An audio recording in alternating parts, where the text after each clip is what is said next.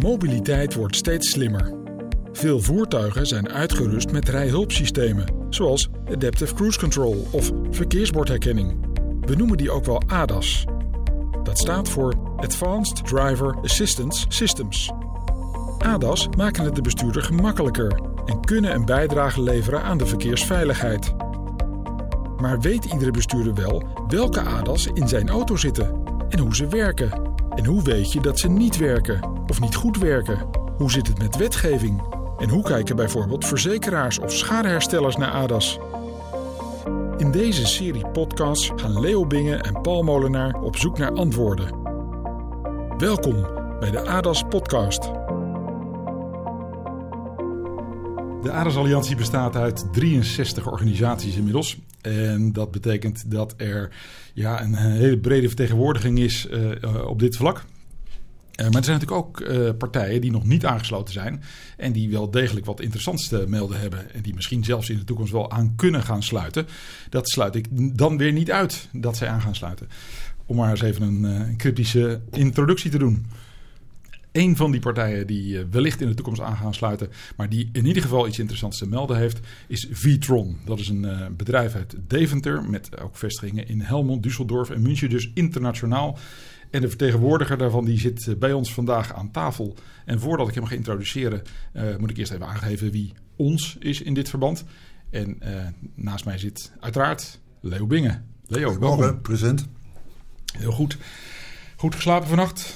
Ik heb uh, redelijk goed slaap, ja. Dankjewel. Denk zeker uh, in opmaat naar dit gesprek, waar ik me zeer op verheug. Dat begrijp ik. En ik denk dat er dan ook uh, hele scherpe en goede vragen uit gaan komen. Ongetwijfeld. Daar twijfel ik niet aan. Welkom, Wim Vossenbelt. Ja, dankjewel. Goedemorgen. Goedemorgen. Goedemorgen, Wim. Leuk je weer te zien, man. Ja, wederzijds. Eigenlijk weer een levende lijf. Ja, heeft een tijdje geduurd, maar nou, nou, we zitten nou, aan tafel. Nou, Zo, en heel hartstikke gaaf. En alles wat, we zeggen, alles wat we zeggen wordt opgenomen en uh, kan dus ook uh, tegen, tegen je gebruikt worden. worden. Ja, nee, dat begrijp ik. Dus uh, vanaf nu ben ik verder stil dan. Hè. Ik geef het woord aan jullie. ik denk dat er onder de luisteraars ongetwijfeld mensen zijn die zeggen Vitron, Vitron, Vitron. Vraagteken, vraagteken. Wat is dat? Nou, aan jou dus gewoon een taak. Maar toch maar even. ja, voor de mensen die het niet weten, dat, dat zou mij ook verbazen, Leo, wie ja? mij niet kent en wie Vitron niet kent. Uh, maar goed, even een hele korte introductie. Vitron is uh, eigenlijk uh, 15 jaar actief in de markt, in de aftermarket. Uh, wij zijn een zogenaamde in-car service provider, dus wij ma maken eigenlijk producten die we in de bestaande voertuigen inbouwen. In Nederland wordt natuurlijk redelijk veel nieuwe voertuigen verkocht. Maar we hebben ook nog steeds een, eh, een redelijk groot wagenpark wat, uh, wat al rondrijdt. Uh, dat wagenpark dat uh, veroudert ook. Hè. Het, lijkt een beetje, het heeft menselijke eigenschappen. Het vergrijst ook. Hè. Het wagenpark vergrijst. Dat betekent dat aan de voorkant hebben we wel nieuwe voertuigen met heel veel nieuwe functionaliteiten. Maar aan de achterkant hebben we ook nog heel veel oude voertuigen zonder uh, rijtaakondersteunende functionaliteiten. Die leveren wij, die bouwen we ook in in het bestaande voertuigen, in het bestaande wagenpark. Dat kan ook en dat mag ook. We grijpen niet in op het, op het voertuig zelf, maar we adviseren altijd de bestuurder. Hè? Dus het is echt gericht op de bestuurder. Ik ben Vitron begonnen, uh, 15 jaar geleden. Eigenlijk altijd met die visie ook van, joh, wat gaan we nou doen met dat bestaande wagenpark? Uh, we kunnen alles wel aan de voorkant vernieuwen, maar als we aan de achterkant niks veranderen, dan heeft het aan de voorkant ook niet veel zin, is onze mening. En vooral mijn mening. En ja, uitgegroeid nu tot een bedrijf van uh, goede 25 mensen. En veel groter willen we ook niet worden. We doen veel R&D. Uh, verkoop doen we rechtstreeks of via partners. Is die 25 met buitenlandse vestigingen erbij nu? Nee, dat is alleen Nederland dit. Okay. Dus alleen de Nederlandse. Goede vraag. Uh, ja, kijk, buitenlandse vestigingen zijn meer het verkoopdeel. We doen veel R&D hier in Nederland. Proberen ook hier te houden. Ja. Omdat uh, nou, Nederland is best wel een nou, goed ontwikkelingsland, laat ik het zo zeggen. En dan niet als de vorm van een derde wereldland, maar echt om je R&D hier te houden is gewoon heel goed. En op verkeersmanagement sowieso. Uh, we hebben het eigenlijk wel goed voor elkaar. Oké. Okay. Maar dan denk ik niet meteen aan Deventer, eerlijk gezegd. Nou ja, natuurlijk wel, want wie kent het even de koek niet? Hè? Dat is natuurlijk. Dus, ja, is, is, is, die nog niet op inmiddels? nou, die, nee, dat is gewoon dat is iets wat door blijft groeien. Dus dat gaat gewoon door. Hele belangrijke nee. randvoorwaarden. Ja, ja, hoezo Deventer? Kijk, Nederland is maar klein ook. Hè? Dus ja. um, het maakt niet zo gek veel uit waar je zit. Uh, je bent hier eigenlijk overal best wel snel. Dat is ook wel eens ons nadeel. Hè? Duitse collega's die zeggen wel eens van... jullie zijn gek, want die, uh, wij rijden echt elke dag overal naartoe. Terwijl een Duitse collega die maakt een rondje, die gaat plannen. Die zegt ik ga maandag ga ik van huis en ik kom vrijdagmiddag weer thuis. En in de tussentijd heb ik hotels en bezoek ik mijn klanten en doe ik de projecten. Omdat je gewoon, je kunt niet even van Hannover naar München rijden en terug. Dat lukt gewoon niet. Dus je moet dat heel anders doen. Dus we hebben wel een voordeel op dat punt. En dat is voor ons ook nog steeds goed. Ehm, ja, en vanuit de auto-industrie, Duitsland is natuurlijk voor de auto-industrie voor ons belangrijk. Omdat we ook willen kijken wat de OEM's doen, de tier ones doen. Wat zijn de ontwikkelingen daar? Daar werken we ook mee samen. Ehm, maar zoals gezegd, zij grijpen echt in op het voertuig en wij adviseren de bestuurder. Dat is toch echt wel een verschil. Ja. Kan je daar een voorbeeld van noemen, Wim? Van, van uh, af te maken of van systemen die jullie in voertuigen achteraf aanbrengen? Uh, ja, dat kan een hele eenvoudige zijn met bijvoorbeeld verkeersbordherkenning. Ja. ja dus uh, elke moderne auto heeft verkeersbordherkenning. Uh, dat kan zijn voor lanekeeping. Alleen dan lanekeeping in de vorm van... wij doen niet de lanekeeping met actief sturen... maar wij waarschuwen de bestuurder als hij over de beleiding heen gaat. Ja? Dus hij moet dan zelf die actie ondernemen. Um, het kan ook de forward collision warning zijn, hè, dus te dicht op een voorligger rijden, uh, voetganger, fietsendetectie. Uh, maar we kunnen geen noodstop maken. Dus een moderne auto die zal dat vertalen naar een noodstop. Uh, ja. Een voetganger, fietsen, je moet hard remmen.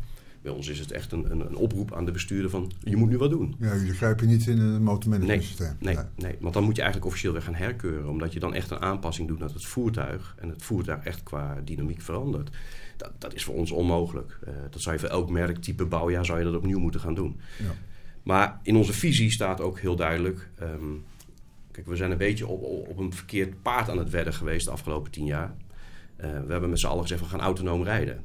Nou, ik uh, durf jullie de vraag wel te stellen. Hoeveel autonoom rijdende auto's zijn er toegelaten op de Nederlandse wegen? Ja, geloof je er überhaupt in? Nee, ik geloof er niet in. Want wij als mens doen het spelletje gewoon verschrikkelijk goed. En we hebben wel wat verkeersdoden. Oh, en uh, dat is natuurlijk heel spijtig. Maar op zich, het spelletje aan zich spelen wij als mens heel goed. Maar ook qua energieverbruik, want autonoom rijden gaat heel veel energie kosten. En als je kijkt naar de transitie waar we in zitten, de autofabrikanten moeten hele energiezuinige auto's bouwen.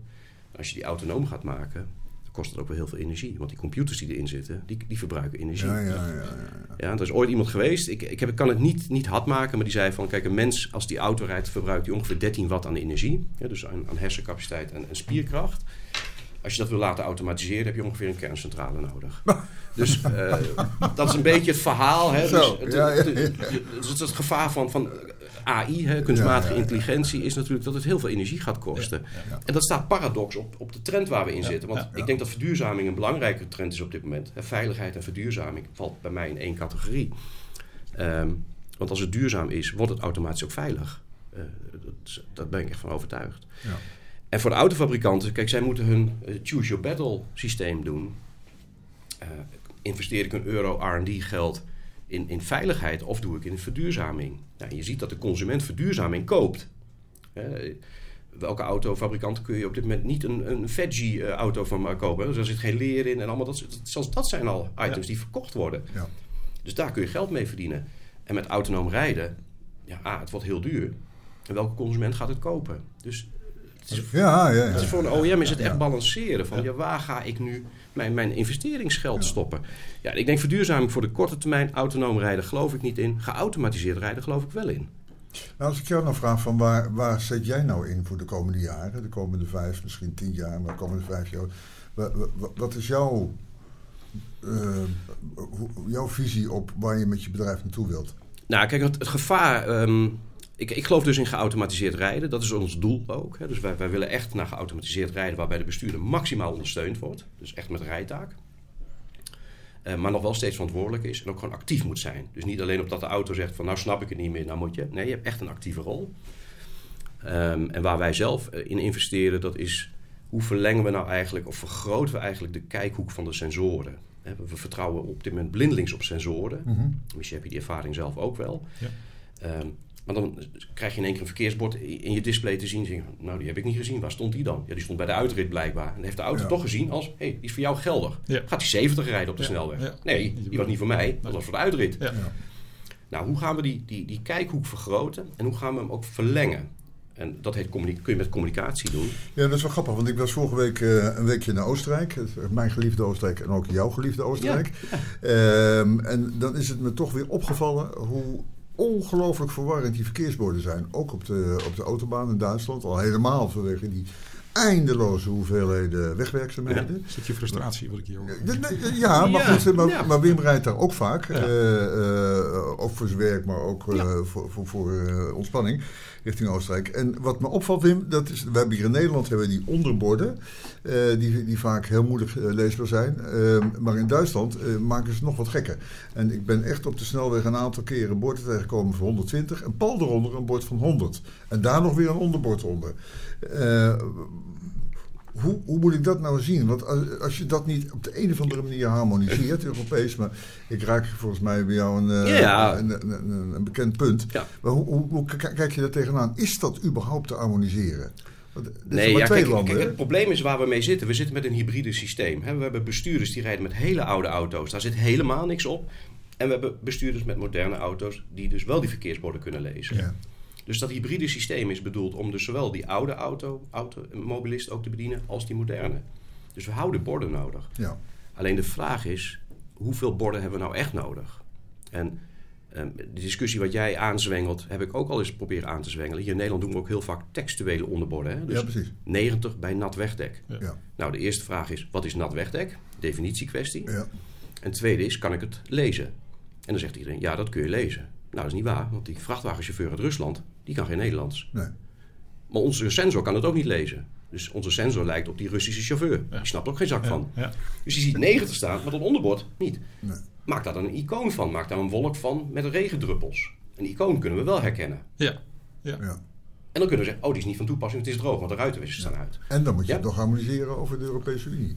Dat is een heel belangrijk punt, eh, Ja. Leo. Ja. En dat is een uitdaging op zich. Eh, het kan snel gaan. Hè. Je ziet het met de General Safety Regulations. Eh, we hebben natuurlijk best wel wat bereikt met elkaar. Ja.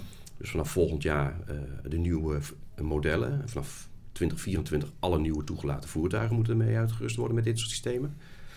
Maar dan heb je nog wel... Kijk, er komt vooruit een discussie. En dat, dat weet jij denk ik ook, Leo. En Paul, jij denk ik ook wel. Vroeger hadden we maar op één manier contact hè, tussen de autofabrikant en de wegbeheerder. Dat was namelijk via het rubber en het asfalt. Dat was het enige contact Ja. wat we met elkaar hadden. Door die digitalisering waar we nu in zitten, moeten we eigenlijk veel meer contact gaan hebben. We moeten gaan uitwisselen. Wat kan wel? Als ik dit in de auto ga doen, wat betekent dat aan de wegkant? Als ik dit aan de wegkant doe, als wegbeheerder, wat betekent dat voor de auto-industrie? Waar moet ik op aanpassen? Dat moeten we gaan organiseren. Dat proces Ja. was niet georganiseerd. Je gaat vanuit dat in 2024 dat, dat dan eigenlijk al geregeld is. Want als die systemen verplicht worden, Ja, ja. dan moet de ja. wegkant ook goed in orde zijn, Ja. lijkt mij. Ja, maar ik denk dat die trajecten iets uit elkaar lopen. Dus die hebben niet dezelfde tijdslijnen. Maar wat betekent dat dan, Wim? Want eh, eh, eh, ehm, betekent dat dan dat we er vanaf 24 maar rekening mee moeten houden dat een groot aantal gevallen die systemen gewoon niet goed zullen werken? Ja, ik weet niet wat jouw ervaring is, of jouw ervaring, Paul. Ik weet niet wat voor auto jullie rijden. Maar als daar iets in zit, dan hoor ik graag jullie ervaringen van die systemen. Ik ben vanochtend ook weer gereden met een auto met allerlei systemen. En ik heb toch twee keer echt heel hard aan de stuur moeten trekken om niet in de sloot te belanden. Ja. Ja? Dus ja, Zover zijn we nog niet. nee, kijk, die, die systemen zijn gewoon niet feilloos. En die zullen ook niet feilloos worden de komende tien jaar. Echt niet. Nee, maar dan heb ik ze straks verplicht in mijn auto eh, en dan ga ik wel uitzetten, want ik word er doodziek van. Ja, Sam is heel jammer. Ja, Ja. wat hebben we dan bereikt? Ehm, nou, ik denk dat we in ieder geval qua technologie een leuke ontwikkeling hebben doorgemaakt. De consument redelijk over de chase hebben gejaagd. Zo van, eh, die snapt het, die voelt zich goed genaaid. Wat extra geld uit de Ja, portemonnee. geld uit de portemonnee getrokken. En we zijn geen, geen donder opgeschoten. Ja, dat risico bestaat. Ja. Maar goed, dat hebben we met heel veel dingen gezien. Hè? Dat, dat is ook met ADAS. Ehm, als je het woord gebruikt, ADAS... Het is natuurlijk een containerbegrip. Ja, hè? We ja. praten hier over een paar functies. Maar ADAS is natuurlijk een heel groot containerbegrip. Maar ADAS, ehm, kijk voor mij eh, kan het ook een placebo-effect creëren. Dat heb je met winterbanden ook. Ja? Eh, mensen die winterbanden monteren denken dus dat ze hun rijstijl Ja. niet hoeven aan te passen. Want ik heb winterbanden. Ja. Nee, je moet alsnog je rijstijl aanpassen. Je houdt alleen langer grip. Ja. En dat is met ADAS hetzelfde gevaar. Of mensen gaan erop vertrouwen. Dat zag je ook met het woord autopilot. Hè? Ja, ja, ja, ja, schijn maar uit. Dat mensen echt dachten van... Communicatie. Wow, dat is mooi. Dat is autopilot. Dat, Ja. Dan doet hij het helemaal zelf. Ja. Nee, het is nog steeds een rijtaakondersteunend systeem. Dus je moet ook je rijstijl gaan aanpassen. En ik merk zelf ook, sommige dingen moet je anders doen hè, met die systemen Ja, aan. ja. Ik, zeg, ik zei net wel even van, ik had misschien drie keer in de sloot gelegen. Maar misschien heeft hem ook wel vier keer geholpen met een kopstaartbox. Ja, ja, zonder dat je het eigenlijk. Ja, Ja, ja, ja. ja. Maar in Dus- hoeverre, sorry, in hoeverre kun je bij de ontwikkeling, eh, jullie ontwikkelen systemen, hoe kun je daar rekening houden met, eh, met zeg maar de interactiviteit met de bestuurder? Hoe kan je daar op, eh, al rekening mee houden dat je bij het ontwerp eh, dat er iets, dat, dat een bestuurder op een bepaalde manier reageert in eerste instantie en ook nog eens een keer zit er ontwikkeling in die reactie die hij geeft. Eh, Als hij hem voor de eerste keer ziet, reageert hij anders dan als hij een beetje weet hoe het werkt. Ja, maar je moet denk ik teruggaan naar je opleiding. Heb jij ooit geleerd in jouw rij... Wanneer heb jij je rijbewijs gehaald, eh, Paul? Oeh, dat is wel heel lang geleden. Ja. Eh, je ergens de jaren tachtig, denk ik. Ja, ja. ja. ja. En zat er toen al iets van een cruise control op die auto? Niks, niks, nee. Nee, Ondanks het feit dat het een Mercedes was, dat weet ik nog wel. Ja. Een Mercedes 190. Ja. Maar er zat niks in. Nee. Nee. Er zat ook geen ADAS-functies op Nee. en geen lane keeping. Nee, daar werd ook helemaal geen aandacht aan besteed. En dat is natuurlijk het verschil. Jij rijdt nu in een auto die het wel heeft. Ja. En je hebt het niet leren, geleerd tijdens het, voor het behalen van je rijbewijs om ze te gebruiken. Nee. Dat is heel raar wat we nu hebben in deze wereld. Hè? We hebben dus een jonge generatie die nu leert eh, te rijden. Met een moderne auto met al die systemen erop. Maar ja, dat mag je hopen, want dat is ook niet in alle gevallen zo. Maar ik weet één ding zeker.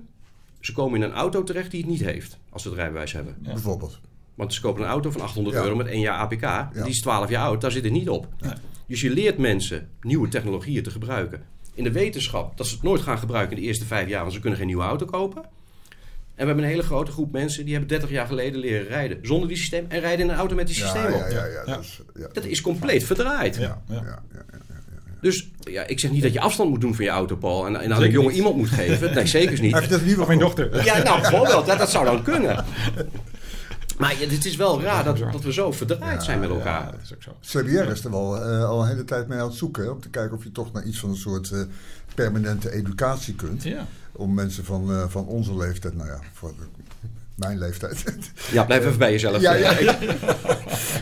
Om die toch op de een of andere manier kennis te laten maken met die nieuwe, nieuwe systemen. Want ja, ik heb wel niet Ja. mijn rijbewijs gehad. Dat is inmiddels wel 35, misschien wel 40 jaar geleden. Ja.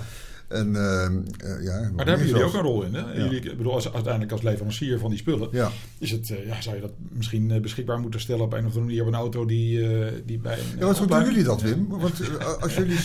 Hij neemt het zo wel over. Oh, sorry. Laat die man even zijn vraag afmaken. Mute. Druk me maar uit. Laat die man zijn vraag even afmaken. Sorry, Paul. Dit is, dit is podcast nummer 6, ik weet hoe het werkt. Ja, ja nee, jullie kennen elkaar. Ik, ik sta er helemaal verbaasd van. Maar goed. Paul, wat je vraag was. Ja. Ehm, nee, mijn vraag was: hoe, hoe kun- kunnen jullie vanuit jullie rol ondersteunen bij de opleiding van nieuwe automobilisten, de, misschien wel de permanente educatie, eh, die er plaats moet vinden? Want daar zijn we het denk ik redelijk snel over eens dat dat een oplossingsrichting is. Ja. eh, om om eh, meer opleiding te geven. Ik denk ook even aan mijn, eh, mijn oude vader van 86 die in de auto stapt en die juist misschien wel die systemen heel hard nodig heeft, Ja. maar de, ze uitzet omdat hij niet weet hoe ze werkt. Ehm, dus da- daar, daar moet iets mee gebeuren in de, in de opleidingssfeer. Is dat nou inderdaad een taak eh, van het CBR? Of moeten we het meer denken aan eh, eh, ProDrive-achtige opleidingsinstituten? Hoe kijk jij er tegenaan? Of een rol van Petron zelf. Ja, ja, dat is ook een optie. Ja, daar hebben we ook wel eens over nagedacht. Hoe kunnen wij ook aan het product wat wij in de markt zetten ook een stukje educatie koppelen? Ja. Dat is zeker niet verkeerd. Ehm, ik denk dat voor sommige mensen is dat ook echt nodig. Punt is alleen, de klant die bij ons komt, die is zich heel bewust wat hij koopt. Dat is een iets ander verhaal. Hè? Ja. dus die heeft al die beslissing Ja, genomen. ja, ik ga het ja, kopen, want ik wil het hebben. En ik vind het fijn, want het helpt mij. Dus die heeft al veel meer voorkennis en Ja. heeft zich georiënteerd. Iemand die in de showroom een nieuwe auto koopt... en die vraagt van wat is die camera op de voorruit... is een hele andere consument. Die zegt, oh, dat zit erin. Ja, Ja. ik weet niet of ik het nodig heb. Zie ik wel. Ja. En dus dat is een heel ander verkoopproces. Ja. Wij, wij verkopen een product. Ja. En in de showroom koopt iemand een product. Ja. Dat is een ander proces. Maar het is wel terecht. Hè? Moeten wij daar wat aan doen? Ik denk het wel. Ik Ik denk, denk, dat ook aan, de, aan, de, aan de, de mensen die die auto daarna kopen. Die dus minder Ja. bewust zijn. Dan zit het wel Ja, in. dan zit het er al in. Ja, ja. Ehm, ik, ik weet het niet zeker, maar ik heb ooit begrepen van Tesla dat je die autopilot-functie koop je namelijk op je naam en niet op de auto. Oh, Dus als jij die auto daarna verkoopt, ja. moet de volgende gebruiker moet Ja, hem ja. echt weer zelf op naam kopen. Ja, Dat is een functie die is op bestuurder doorgegeven wordt en niet op voertuig. Oké. Dat is ook een optie. Ja? Ehm, maar het is natuurlijk wel een beetje raar dat je eigenlijk wetgeving maakt, Europees gezien, de General Safety. Daar zet je in dat het verplicht is. Ehm, dus je kunt straks geen auto meer kopen zonder het erop. Dan is de driepuntschotel of de hoofdsteun is ook verplicht. Dus je hebt geen keus. Nee. En dan duw je dus eigenlijk toch de mensen door de strot heen, om even in de woorden van Leo altijd te spreken. Ja, dat is altijd, Ken- zo ken ik hem. zo ken je hem ook. Ja. Dus, ja, dus die klant die moet niet mekkeren, die moet het gewoon accepteren. Ja? En als die maar betaalt, dan is, die- iedereen tevreden. Ja, ja. Dat is denk ik wel de situatie waar we op dit moment mee te maken hebben. Moet je dan die consument meteen weer op kosten jagen en dan zeggen van nou moet je ook een verplichte cursus gaan doen? Hmm. Ik weet niet of dat een goed model is. In het voorgesprekje hadden we al eventjes over de rol van de importeur en van de, van de retailer. Eh, ofwel eh, de, de leden van eh, BOVAG en RAI. Ja. Ehm, welke rol zie je voor die partijen? Want eh, er- wordt heel veel eh, toch afgegeven ook op de branche. Eh, voor de branche doet veel te weinig om, eh, om voorlichting te geven, zowel bij de aankoop als bij de aflevering, Ja. eh, maar ook op het gebied van onderhoud en reparatie. Ervoor zorgen dat die dingen na verloop van tijd ook nog doen. We zijn eh, vanuit onze kernteam eh, van de Adelsalliantie zijn we ook in gesprek met de RDW om te kijken of we het misschien zelfs op termijn een onderdeel van de APK moeten gaan maken. Nou, allemaal van dat soort dingen. Eh, hoe, hoe, hoe zie jij die voorlichting vanuit de branche? Zie je daar überhaupt mogelijkheden dat ze dat oppakken en daar wat aan doen? Of dat ze dat niet doen voor ja joh, die dingen zitten toch vol ermee. eh hoppakee, eh, als ze maar weer een eenheid gemaakt hebben, dan is het prima. Maar die, al die uitleg, daar doen we niks aan. Hoe, hoe zie je dat? Ja, dat is een lastige vraag. Ik probeer hem even terug te vertalen zoals ik hem zou beantwo- willen beantwoorden. En dat is A, we weten niet hoe vaak het systeem uitgezet wordt. Hè? Dus Nee. als je gaat kijken naar... We weten gewoon niet van de auto's die rondrijden met die systemen aan boord... hoeveel procent van de tijd staan ze nu aan of hoeveel procent van de tijd staan ze uit. We hebben wel schattingen, we weten ook wel iets data. De fabrikant weet meer. Een connected voertuig, daar kunnen ze het dan vaak nog wel uitlezen. Ehm, maar bijvoorbeeld in Amerika heb je het systeem, dat is die, eh, die Event Data Recorder, Ja. hè, de EDR. Eh, bij een ongeval kun je dus altijd de laatste 10, 20 of 30 seconden van alle data van het voertuig kun je uitlezen. Dat is een speciale dienst voor opgericht, die kan het uitlezen. Dan kun je dus ook zien welke systemen stonden aan, welke systemen stonden uit ten tijde van eh, het ongeval en net Ja. daarvoor. En die dienst is onafhankelijk. Is onafhankelijk. Juist, ja, belangrijk. En eh, ik denk dat dat heel belangrijk is, dat we die data gewoon onafhankelijk... Nou, dus die EDR, zoals in Amerika, vind ik geen verkeerd instrument. Eh, maar dan zit je al heel snel weer met mensen die zeggen... ja, maar dat is met privacy en dat is... Ja. Weet ik niet, want de ongevallendienst heeft daar wel belang bij en kan jou ook helpen. Als jij zegt, ik heb het allemaal netjes gedaan, ik kon dit niet voorkomen, kan het je dus ook helpen. Dat vind ik een thema. Het tweede thema noem jij zelf al, de APK voor het voertuig. Ik vind het vreemd dat zulke essentiële veiligheidssystemen, dat we daar nu nog over moeten discussiëren of dat in de APK thuis hoort. Met alle respect. Maar dat had er al lang in moeten zitten. Ja. Ja, dat vinden wij ook vanuit Ja? kernteam. Dus dat vind ik raar. Maar als ik dan die jaarlijks APK voor mijn auto heb, waarom doe ik dan niet de jaarlijks APK voor de bestuurder erbij? Ja, dat is een hele interessante. Dat is een hele interessante. Dan moet die auto toch naar de garage. Ik moet er zelf tijd in steken. Dan maak ik er een dagje vrij van. Ja, en ga ik gewoon eens even lekker mezelf opfrissen. Ja.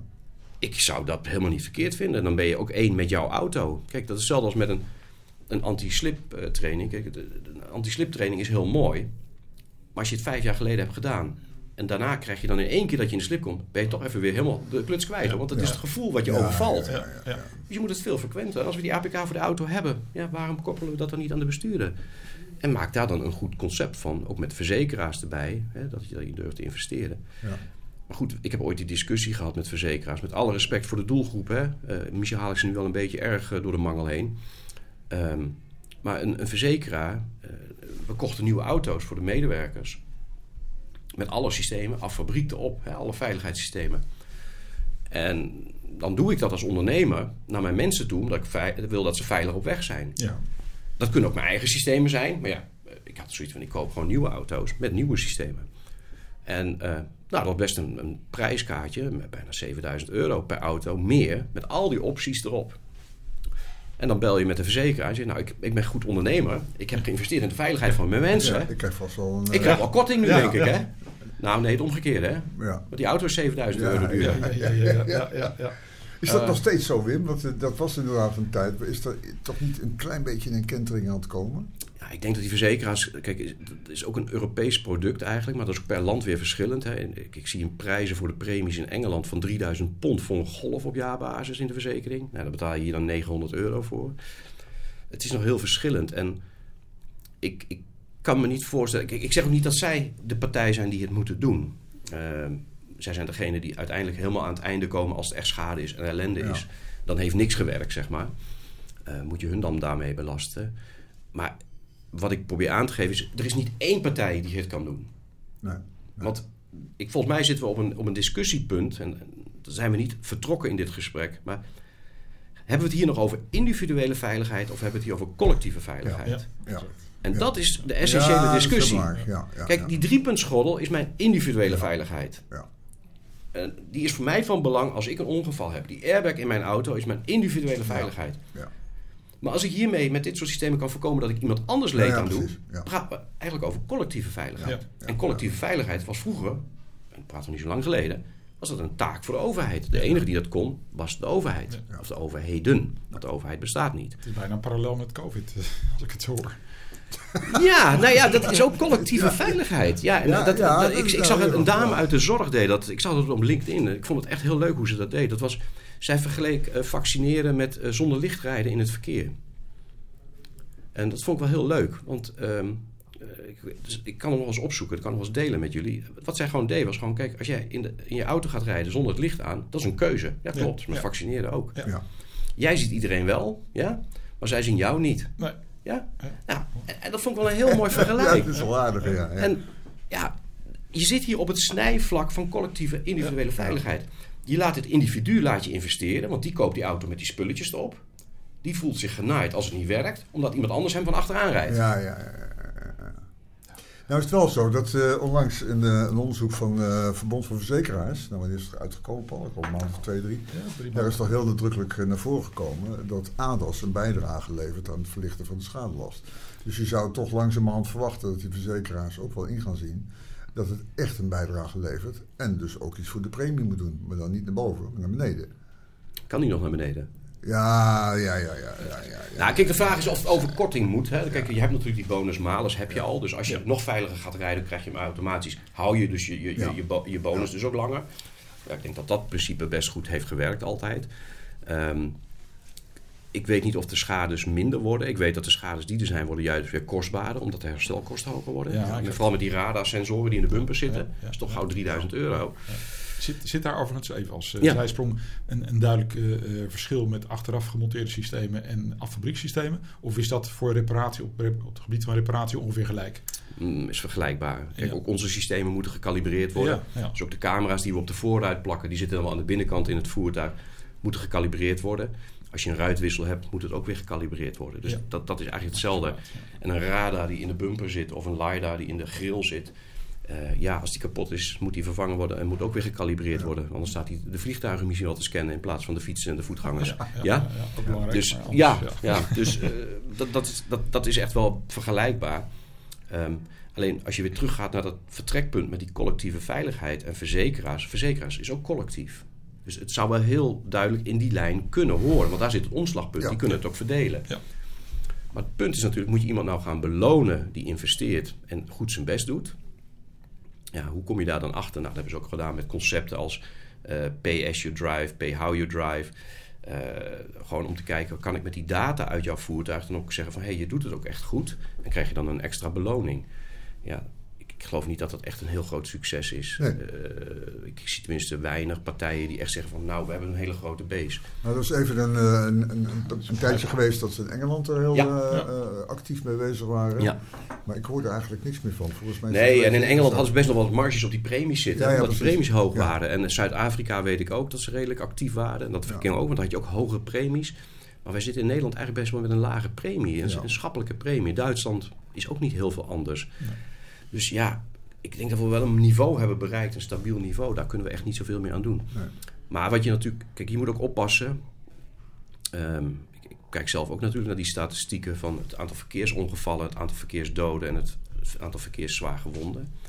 En dat is best een moeilijke discussie. Hè? Dat is een ethisch best lastige discussie. Want dan moet je teruggaan tot de jaren 70 vorige eeuw. Hè? Toen hebben we met elkaar besloten, de industrie vooral, eh, er moesten minder verkeersslachtoffers zijn met auto's. Dan hebben we allerlei regels gedaan, maximumsnelheden. We zijn toen eigenlijk volop gaan inzetten. Ja.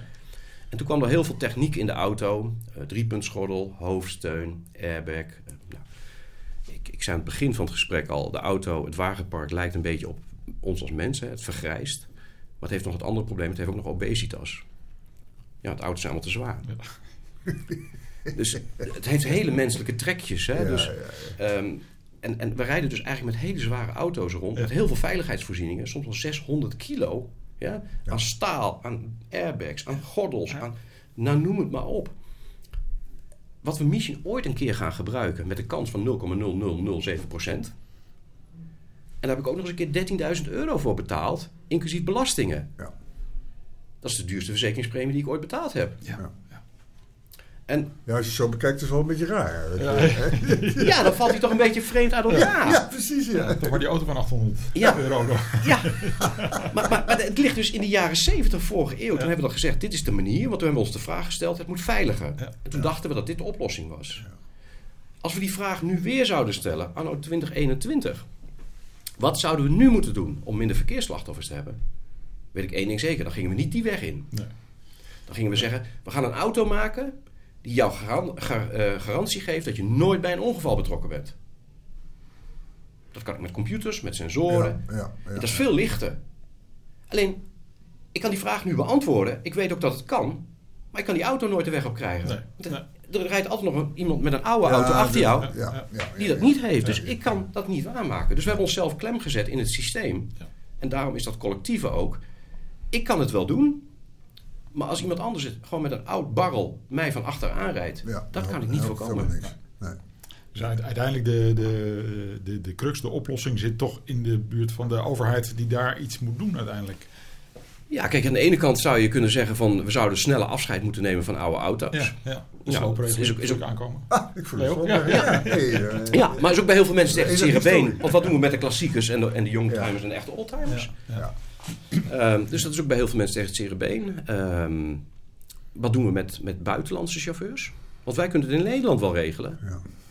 Maar als die, die, die, Nee, die meneer of mevrouw uit. België of Duitsland hier komt boodschappen doen... en die heeft die wetgeving niet, hebben we het probleem nog niet opgelost. Dus dat gaat het niet worden. Nee, en het is ook geen populaire maatregel, dus dat Nee, en heel kostbaar. ook dat. Ja. Ehm, en, Alle, en, alle licht op rood, zeg maar. Ja, dus, dus mijn gevoel is, we hebben een systeem wat, wat we zelf op slot hebben gezet. Hè. We staan schaakmat. Ehm, we kunnen alleen maar door op deze weg. Dus auto's was nog duurder, want er komt nog meer systemen in. Want die systemen komen straks bovenop die systemen die jou beschermen als je wel een ongeval hebt. Ja, Ja. ja. ja. Kunnen we ze dus iets minder zwaar maken, want het hoeft niet meer 0% te zijn. Het mag misschien wel 0,2% zijn dat ze een keer een foutje maken. Maar het systeem aan zich staat dus eigenlijk gewoon schaakmat. Breng het, even op- het- het is een mooie afsluiting, maar zover zijn we nog niet. Ja, dan breng ik me even op een iets de tussenstand, hè? De tussenstand. Ja, ja. Breng me nog even op een iets ander onderwerp wat eh hier zijdelings mee te maken heeft. Wij zijn vanuit eh, de aantal alliantie zijn we al een hele tijd aan het drammen op een registratieplicht of een registratiesysteem voor, eh, voor AROS. Mhm. Eh, zodat je een willekeurig belanghebbende kan opzoeken wat zit er op mijn auto of op die auto die ik wil inruilen. Eh, nou, daar zijn we met de RDW eh, heel druk in gesprek, eh, ook met andere providers. Ehm, hoe gaat dat met jullie systemen? Wordt er ergens geregistreerd wat jullie in welke auto hebben gemonteerd? Ja, dat is een kort antwoord, Leo. Nee, dat wordt niet bijgehouden. Ehm, dat wordt ook niet bijgehouden bij oude auto's of er achteraf nog een nieuwe radio in komt. Nee, dus op accessoiregebied ben je gewoon vrij. Het hoeft ook niet gekeurd te worden. En dat, dat zou eigenlijk wel moeten als je dus in een APK ook weer in die situatie terechtkomt. Ook voor de aftermarket, zou als het erop zit. Maar dat is ook een beetje het verschil met Duitsland en Nederland. In Duitsland moet je accessoires laten bijschrijven in de autobrief. Ja, Ja. Dus alles wat je aanpast als je bredere eh, banden eronder doet, moet je ook laten aanvullen. Anders wordt hij niet goedgekeurd bij de. TUF. Ja, dat hoeft hier in Nederland niet. Nee, dus... eh, en het is een... Ja, het is een bestuurder add-on eigenlijk. Hè? Zo wordt het ook nog gezien. Omdat we de bestuurder informeren en niet ingrijpen op het voertuig. Dus ja, dan, dan ben je eigenlijk gewoon vrij. Dus dat wordt niet bijgehouden. Zouden we dat willen? Ja, eh, voor mij maakt het niks uit. Maar de vraag is, wat, wou je ermee, wat wil je ermee gaan doen? Nou, weet je, een van de dingen eh, waar dat register heel belangrijk voor is, is onder andere bij schadereparatie. Ja, Eh, dat een, eh, een schadebedrijf weet wat zit er op die auto, waar moet ik rekening mee houden als ik hem demonteer. En ook als ik hem weer monteer en kalibreer en de hele reuze met uit. ja, En ik kan mij voorstellen, je noemt het zelf al, ook, net ook, eh, ook de systemen die jullie aanbrengen, die moeten na schade of reparatie, moeten die ook weer gekalibreerd Ja. worden. Maar het is natuurlijk wel belangrijk dat, eh want jullie systemen zitten, als je het al via een VIN of iets dergelijks kunt achterhalen wat hier op die auto zit, via sommige databases kom je een heel eind. Uh, nou ja, dan, dan, dan weet je in ieder geval wat erop zou kunnen zitten. Bij jullie stem weet je dat niet. Ja. En als je het nou gaat demonteren, uh, ja, hoe weet je nou dat er achteraf bepaalde sensoren achter bumpers zijn aangebracht, wat dan ook. En dat je ze niet molt als je het hele ding aan elkaar haalt. Ja. Is daar op de een of andere manier iets voor een voorziening voor? Of zeg je van nee, uh, vooral houden zo, want dan kan ik weer een nieuwe verkopen. Maar dat zal. Nou, dat sowieso. Dat ja, dat laatste sowieso. Dus uh, nee, nee, alsjeblieft, uh, blijf van, van, van, van, van, Van mijn handel af. Ja, van mijn handel af. Dus uh, hou je poten thuis, zou ik zeggen. Ja, baas. um, nee, registratie is er gewoon niet. In de aftermarket sowieso niet. Ja, ik, ik, denk wel dat het goed zou zijn om sommige dingen te registreren. Dat ben ik wel met je eens, Leo. Maar die discussie moeten we wel met elkaar gaan voeren. Want wat gaat dat betekenen? Um, we hebben best een vreemde handel in Nederland als je kijkt naar auto's. Hè. We verkopen nieuw, maar we importeren ook heel veel tweedehands Ja. gebruikt. Dus ja, um, ik denk dat het hele proces dan wel eens even heel goed op, op, de, op de schop moet, uh, moet worden genomen. Hè. Van hoe gaan we dat dan registreren? Zowel voor de parallelhandel, uh, de import, uh, de aftermarket. wat komt daarbij? En als we met elkaar het doel hij, goed duidelijk kunnen maken... en we kunnen echt zeggen, we kunnen, dat is, daarom doen we het... Ja, dan is het voor iedereen een voordeel. Ja. Kijk, de consument bij ons, uh, of de zakelijke gebruiker... Hè, we verkopen zowel de consument als de zakelijke gebruiker... die bij ons komt en die zegt, ik wil die spulletjes erin hebben... ja, die zegt niet van, het moet ook geregistreerd worden. Want het is... Het wordt vaak ook nog wel eens een gadget gezien. Dus... Um, dat is ook een beetje het gevaar bij dit soort ontwikkelingen. Dat komt natuurlijk door die smartphone en alles. Hè. We zien heel veel dingen als een gadget en een nice to have. Um, maar je praat wel eigenlijk over serieuze veiligheidssystemen. Ja. En uh, dat is natuurlijk ook wel een punt. En we hebben de early adapters, de mensen die het echt leuk vinden, de technologie willen begrijpen. Die vinden dat interessant. Dan heb je een hele grote, grote groep, de goede gemeente, die zegt: ja, het zal wel als het erop zit, vind ik het prima. En dan krijg je de mensen die je echt had moeten overtuigen. Hé, het lijkt weer op vaccineren. Um, ja, dat is gewoon ook een feit. Je zult hier ook tegenstanders van hebben Ja, van deze systemen. ja, Ja, Mensen die echt niet geloof hebben, die zeggen: Ik ben de beste chauffeur. En uh, dat blijf ik ook. Dat kan ik zonder die systemen. Ja, merk je dan bijvoorbeeld ook op dit moment dat er, uh, even terug te komen op die schadereparatie, dat er garages, dealers en misschien ook wel consumenten bellen van uh, wat voor systeem is dit en hoe repareer ik dit? En kan ik een reserveonderdeel krijgen daarvan of zo? Of hoe werkt dat? Ja, bij ons is meestal reparatie, dat komen ze weer terug bij ons. Ja. Dus na een ruitvervanging, dan komen ze weer terug bij ons voor de calibratie. Omdat okay, op een ja. of andere manier zit dat dan toch in de hersenen zo opgeslagen. Dat komt bij Vitron vandaan en Ja. dan moet ik weer terug. Ja. Oké. Ja, dus Dat dat, is- goed. Dat, werkt goed. Ja. Goed Dus- eh, onderricht. Goed, ja, dat, is, eh, dat, dat Goed, werkt goed Ja, ja. en eh, dat doen we ook graag. Hè. Daar hebben we ook belang bij. Want als het systeem goed werkt, hebben we tevreden gebruikers. En eh, Ja. daar gaat het ons ook Daar om. zijn jullie ook op ingericht. Daar zijn we op ingericht. Ja. Natuurlijk hebben we ook systemen die uitvallen. Hè, want dat is een ander thema wat we nog niet geadresseerd hebben. Ehm, maar dat is gewoon de, de, de levensduur van componenten versus de levensduur van een auto. Eh, kijk, we hebben nu, volgens mij, even corrigeer mij eh, als ik het fout heb. Leo weet dat vaak beter. Maar volgens mij hebben we 4,5 miljoen auto's die 12 jaar of ouder zijn in Nederland op dit moment. Ja. Dus 4,5 miljoen, 12 jaar of ouder. Dan mag je blij zijn dat er net een katalysator onder zit. Ja. Ja? Maar we gaan dus, we hebben ook heel veel auto's die al 20 jaar zijn. En die zien er nog steeds, die zie je gewoon rijden en die zien er gewoon nog goed uit. Dat zijn nette auto's, die hebben een levensduur, kunnen ze dat prima aan. Maar heb jij ooit een iPhone of een smartphone gehad die 20 jaar oud was? Bestond hij nog niet eens voor? Nee. Dus de, de elektronica-componenten en, en, en de levensduur daarvan, is dat wel gelijk, loopt dat gelijk met de levensduur van die auto. Ja. En die auto is echt duurzaam. En die wordt alleen maar duurzamer. Want ja, die moet langer meegaan zometeen. Vanuit die verduurzaming. Of die componenten dat aankunnen. Maar hoe gaan we er met upgrades om? Ja. Dus er komt na vier, vijf jaar een nieuw systeem. Wat zoveel beter is. Ja. Kan de, moeten we de fabrikant dan met z'n allen zeggen van... nou moet je zorgen dat er ook in die bestaande auto's gewoon geupgrade kan worden. Want dat is gewoon veel beter. Nou, er is inderdaad een ongelijkloop, om het zo te zeggen, tussen bepaalde componen- componenten in zo'n auto. Ja. Want als je kijkt naar de basis van zo'n auto, dan gaan we 20 jaar mee. Ja. Maar ja, je hebt mij zelf ooit wel eens geleerd, eh, de, de, de, de schermpjes in een auto, die zijn al ettelijke jaren oud voordat die auto voor het eerst op de markt komt. Ja. Nou, als er iets is waar de afgelopen jaren een enorme ontwikkeling is, dan is het in de resolutie Juist. van beeldschermpjes. Ja. Nou ja, dat, is, eh, dat loopt zo ongelijk in een auto. En dat geldt voor veel meer Ja. zaken. Maar het gaat ook voor de spare parts. Ja. Hoe lang moet jij dan... Kijk, als jij nu een iPhone 1 hebt... dan is die van Acht jaar geleden? Nou, ik geloof 2007 is het ding voor het eerst op de markt gekomen. Oké, nou, pak hem even tien jaar. Ja. Als je die nu wilt laten eh, repareren, zijn daar nog reserveonderdelen voor te krijgen? Nou, dat is, eh, waag ik zeer te betwijfelen. Ja. Recycling, denk Ja, ik. Maar als ik een auto van 40 jaar heb, kan ik gewoon nog steeds mijn reserveonderdelen kopen. Ja, soms met een beetje moeite, maar het, eh, het kan wel, ja. En dat wordt een discussie. Dus kan ik straks dingen nog repareren? Of Ja. moet ik het vervangen? Moet ik die hele module eruit kunnen halen?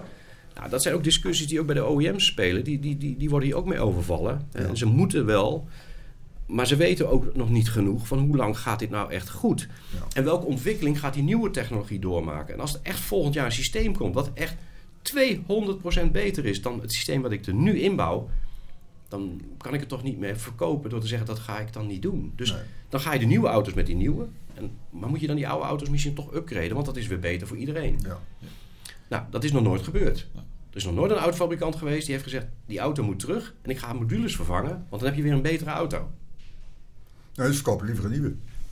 Ja, Nou, en, en dat wordt die een... oude die zit nog steeds op de weg. Dus de, ja dat dan weer wel. Ja. Ja, goed, en de export natuurlijk Ja. ook. Hè? Ja, dus, ja, eh, dus, ja. dus er waren altijd afzetkanalen voor die auto's. Maar ook dat wordt minder, want kijk, dat zien we in Roemenië, en Slovenië en Hongarije ook. Die mensen beginnen ook te zien van een nieuwe auto... hé, hey, dat is wel interessant. En ze zijn ook best betaalbaar aan het worden. Dus zoveel export is er dan ook niet meer. Nee. Eh, in ieder geval niet meer van dat hele oude spul. Eh, die, die zullen steeds jonger spul willen hebben.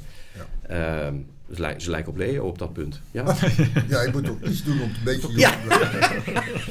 En, en dan nog even een, een, een, een, een ander de- ding wat hiermee samenhangt, Wim. Eh, je bent al jarenlang, eh zo hebben elkaar ook destijds leren kennen, heel actief op het gebied van, eh, van data. Voertuigdata, eh, data in en rondom het voertuig. ja. Ehm, nou, nou zijn ADAS-systemen, ja, dubbel op, hè. ADAS is al systeem. dat is goed. dat is ook Ja. een meervoud. Ja, en net Ja. zoals APK-keuring. Ja, die is ook eh, dubbel. Ja. Nou, anyway, eh, maar heel veel van die. AP-keuring. eh, wat zeg je? AP-keuring. AP-keuring. Het zou beter zijn. Eh. Ja.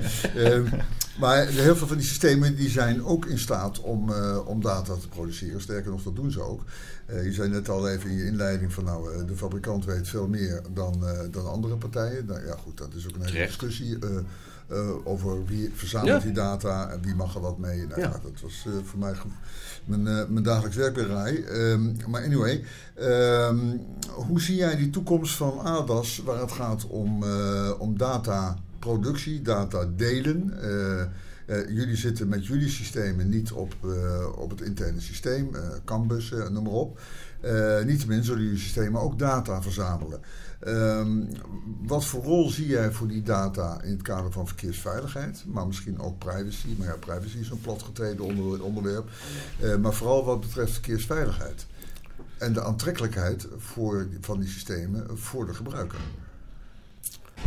Nou, dat waren ongeveer 17 vragen in één Ja, vraag. Dat heb je een knap gedaan, daar Leo. ben ik een is meester van. zo Meester in. is- dan moet ik ze weer zien te Dan kan ik eh, Ja. koffie Nou, drinken. nou, kun jij naar de wc, dan gaan wij even door. Eh, Jongen, jongen man. Ehm, Ja, maar gewoon de betekenis van data, Wim, uit ADAS. Nou ja, kijk, die, die data is natuurlijk voor een fabrikant ook heel belangrijk. Hè? Ja. Dus er wordt al heel snel gewezen naar de fabrikant van die heeft zoveel data en dit wil hij niet delen. Nou, Mhm. soms terecht. Eh, deelt HP zijn data met jou dan, van je printer? Nee, Nee. Dus vind je dat raar dan een Volkswagen of een Mercedes of een Mitsubishi of een Toyota? nee, ik kan dat wel begrijpen. Dat begrijp ik ook, want dat gebruikt ze voor hun eigen procesvoering. Ja. En natuurlijk hebben ze dan voorsprong. Ja, eh, want ze hebben die data en kunnen dus beter kijken wat je doet. Ja. Eh, dat heeft HP bijvoorbeeld ook gedaan met zijn printers. En kunnen zeggen van wanneer je inkt moet gaan bestellen. Ja. Nou, dat, dat, dat vind ik heel logisch. Maar daar betalen ze ook zelf voor. Want zij betalen voor die connectiviteit. Ze betalen voor de opslag van die data. Dat is hun proces. En ze En kunnen de ook... R&D. En de R&D. Ja. Dus ik vind dat altijd een hele lastige discussie door partijen die dan roepen van ja, maar ik wil die data hebben, dan moeten ze delen. Dan denk ik van ja, ho, ho. Eh, als ik die simkaart er als fabrikant dus niet instop, heb ik die data niet, heb je ook niks te vragen. Nee. Nou, dan ga ik, ga ik dat maar doen. Dat is goedkoper. Hoef ik ook niet. Eh, dus voor je het weet heb je de verkeerde discussie met elkaar. Dus er ligt ook heel veel data op straat waar we niks mee doen. Mhm. Eh, dus net als met geld. Geld ligt ook op straat. Je moet het alleen oppakken. Je weet gewoon met camera's en allerlei dingen, die data die is al op straat voorhanden. Ligt ook bij andere partijen, bij de wegbeheerder of bij een, een belastingdienst, hè, de douane. Die gebruikt ook camera's voor, voor bij de grensovergangen. Er is heel veel data. Is dat een probleem? Eh, nee, ik denk het niet. En die fabrikant die doet het voor zijn belang. Ehm, wat voor data heb je straks nodig? Want dat is de andere vraag, andersom gedraaid. Ja. We gaan ervan uit dat er heel veel data is. Ja. Maar we weten het eigenlijk niet. Nee, en is het de goede data? Is het de goede data? Ja. En kan het daarmee onze vraag beantwoorden? Maar welke vraag hebben we dan? Ja, ja Wim, ik eh, her- eh, eh, her- herken het helemaal. Ja, Want er wordt steeds maar gezegd, ja, al die data, we moeten die data ook hebben. En eh, we, het moet gedeeld worden. Ja, maar waarvoor dan in godsvredesnaam? ja. De why, Ja, why, ja, ja, de why-vraag. ja, ja, we zeer zitten wel altijd op wat en how, maar we Ja. vergeten altijd de Ja, why-vraag. zeer herkenbaar. En dan gaan we ervan uit, het is er, dan wil ik het ook hebben. Dat is Ja. net zo'n kind in een suiker, in een, een snoepjeswinkel. Oh, alles Ja. voor mij. Ja, Ik krijg het nooit op. Nee, dat weet ik ook wel. Maar ja, het is allemaal voor mij. ja. En ik- heb het gevoel dat daarmee de afgelopen vijf tot zeven jaar... dat we dus eigenlijk meer tegenover elkaar zijn gaan staan... dan met elkaar zijn gaan samenwerken. Terwijl we die samenwerking zo hard nodig hebben... want dan kom je op dat collectieve weer uit... wat, wat ik hier in het gesprek ook eerder zei. Je gaat over collectieve veiligheid Ja. praten. Ja? En we zijn eigenlijk... Die wegbeheerder moet met die OEM gaan praten. En niet alleen het contact via het rubber en het asfalt. Nee, er moet ook echt gesproken worden. De digitaliseringsopgave moeten we samen oppakken. En we staan eigenlijk dit te doen. En wat jij terecht zegt, Leo, privacy, ja, het is een dooddoener. Eh, je kunt elk project ermee afschieten aan de voorkant. Ja. Ja, je kan meteen plat gooien. Nou, maar dan even, je zegt, ja, OWM die moet met de wegbeheerder eh, eh, gaan praten. Ja. Ehm, maar eh, dat zou dus ook voor jou kunnen gelden. De wegbeheerder moet met jou gaan praten Doen voor de ook. af te maken Doen wij ook. systeem. Wij zitten, we praten veel met, met wegbeheerders, we doen veel proeven met wegbeheerders om ze te laten zien wat het systeem doet. Ja. Ehm, eh, kijk, we denken ook dat, dat wegen helemaal gestandardiseerd zijn hè, in Ja. Europa. Nou, ik weet niet of je die ervaring hebt. Je bent net weer naar Oostenrijk gereden. Misschien Paul, jij ook nog recentelijk in het buitenland geweest. Maar die, die wegen zijn niet gestandardiseerd. Nee, nee, nee, absoluut niet. Met name België valt me altijd op. Ja, maar, maar kijk alleen al naar de breedte van de snelwegen Ja. in Duitsland versus Nederland. Ja. Als je Nederland uitrijdt, je rijdt Duits, dan doet de weg doet dit. Ja, Ja, wat breder. Ja. Moet je eens kijken wat het met je veilig, met je ADAS-systemen doet. Ja. Die jou tussen de lijnen. Die werkt in één keer heel anders. ja. Dus we denken dat we hier over standaarden spreken, maar wat geen standaarden zijn. Nee. Kijk, we zijn die wegbreedte ooit gaan maken, geloof ik, op basis van twee paardenkonten. Hè, want dat waren twee paardenkonten, die was de breedte van de koets. En dat was de wegbreedte. Dat hebben we altijd aangehouden.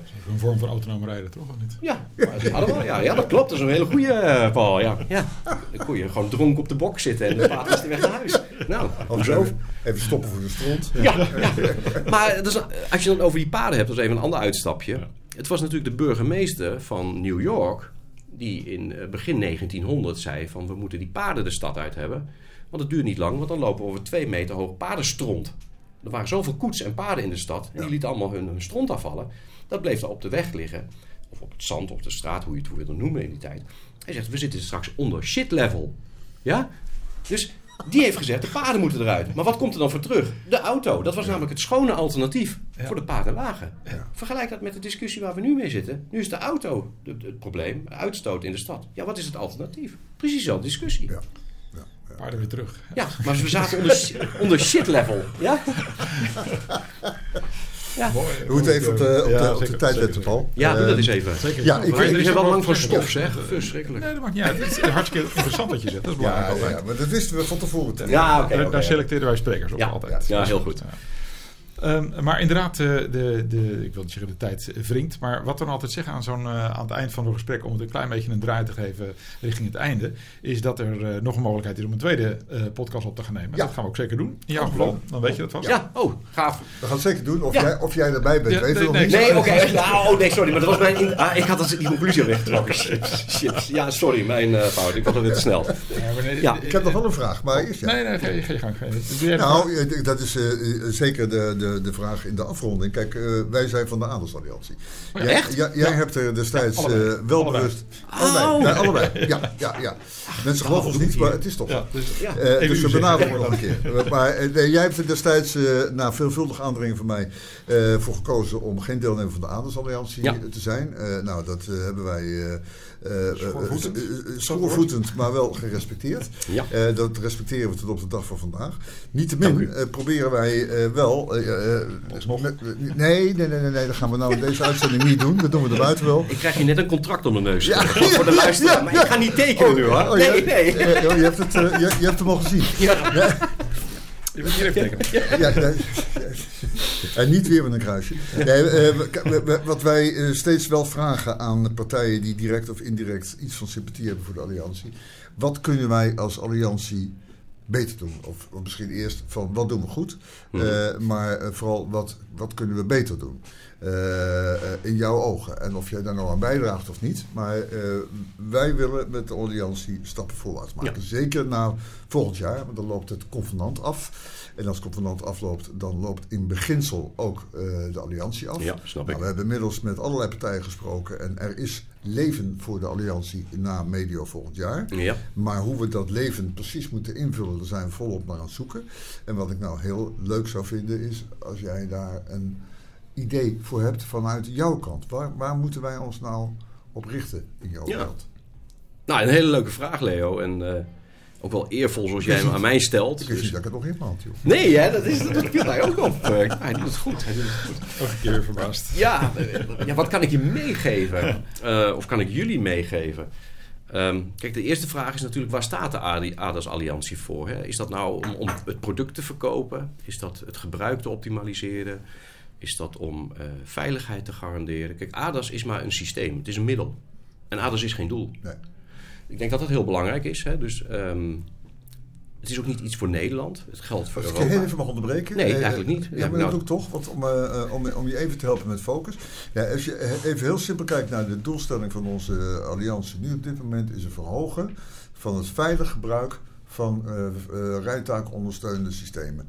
Om uiteindelijk de verkeersveiligheid, Ja. de doorstroming en de uitstoot. Maar dan ga je ervan uit, Leo. Sorry, dat, misschien begrijp Nee, ik het verkeerd. ik maar dan me ga ik voor- er bikkelhard met gestrekt benen in. Ah, kijk, Dan ga je er dus vanuit dat de systemen die nu in de, in de markt staan niet goed gebruikt worden.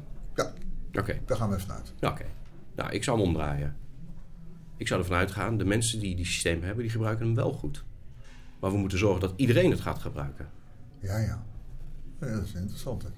Kijk. Je kunt hem negatief Heb je aan... Paul? Ja, ja, ik heb hem nog genoteerd. Ik zit heel driftig te pennen. Ja, maar ook al vanuit het collectieve weer, hè? Want je, wil- je wil die groep wil je groter Ja, maken. je. En, en, en, en ik denk dat het belangrijk is dat je de mensen aan het woord laat die het heel fijn vinden, die, die een Ja, goed ja. woordje erover kunnen doen in plaats van aandacht op het negatieve. En mijn motto is: alles wat, wat je aandacht geeft gaat groeien. Hè? Dus eh, als je de negatieve Ja, ja, kant gaat belichten, gaat dat groeien. Ik snap hem. Ja? Test- testimonials hoor ik van eh, tevreden gebruikers. Ja, Ja. en, en, en zoek, zoek aandacht en, en connectie met nou, bijvoorbeeld een, een, een LVMB, hè, het Landelijk Verkeersmanagementberaad, met de grootste wegbeheerder van Nederland, Rijkswaterstaat. Ik denk dat je het heel operationeel moet maken. Het, het is volgens mij geen beleidsdingetje namelijk. Want het beleid is in, in Brussel al gemaakt. Dat staat in een wet vast. Het moet erin. Ja. Ja. Alleen niet voor de aftermarket. Aftermarket is daar buiten Er gelaten. zijn er wel meer deelgebieden die niet aan de orde zijn. Ja. Dat, dan moet er wat ontwikkeld worden. Dus volgens mij is beleid, moet je eh, accepteren, dat is gewoon bepaald. Eh, dat zit vast in een wet. General eh, Safety Regulations schrijft voor waar de autofabrikanten aan moeten voldoen als ze hun nieuwe producten op de markt zetten. Dus die, dat staat gewoon zwart op wit. Ja. Dat hoeven we in Nederland geen apart beleid voor te maken, denk ik. Mm, Lijkt mij tenminste een beetje nutteloos.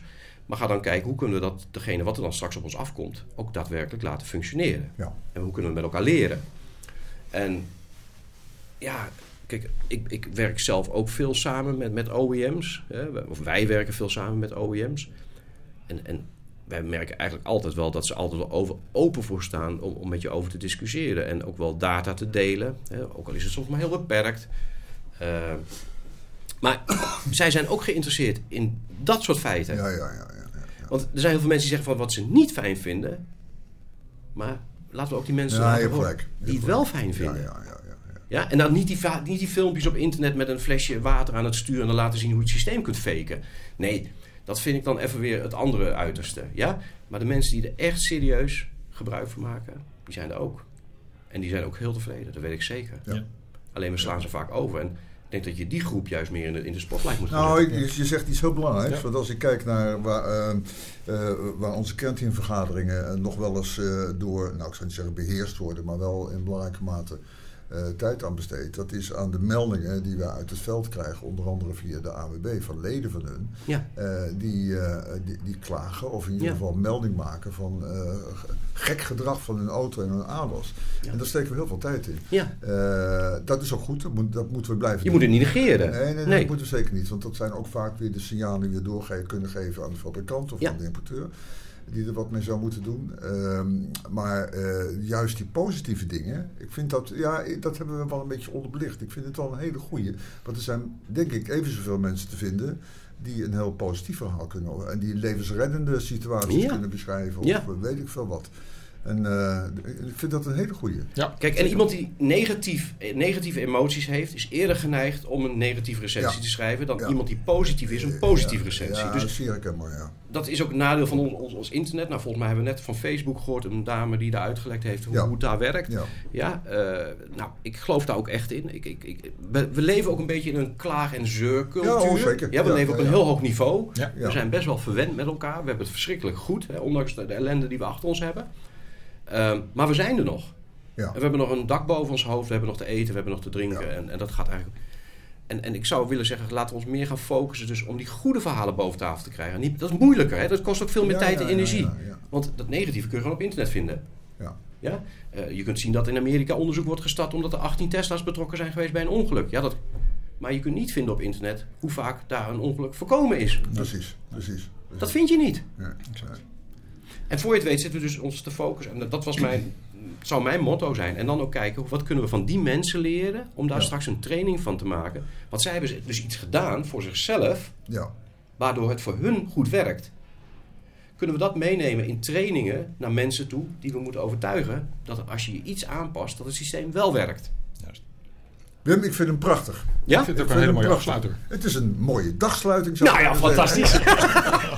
nou, eh, ik, ga, zo- ik ga zo weer prediken. eh, Ja, ik. ja, precies. Ik zag je toog al in de auto liggen. De Ja. Adelskerk, ja. Dat kan zo gebeuren. De Adas Church. eh.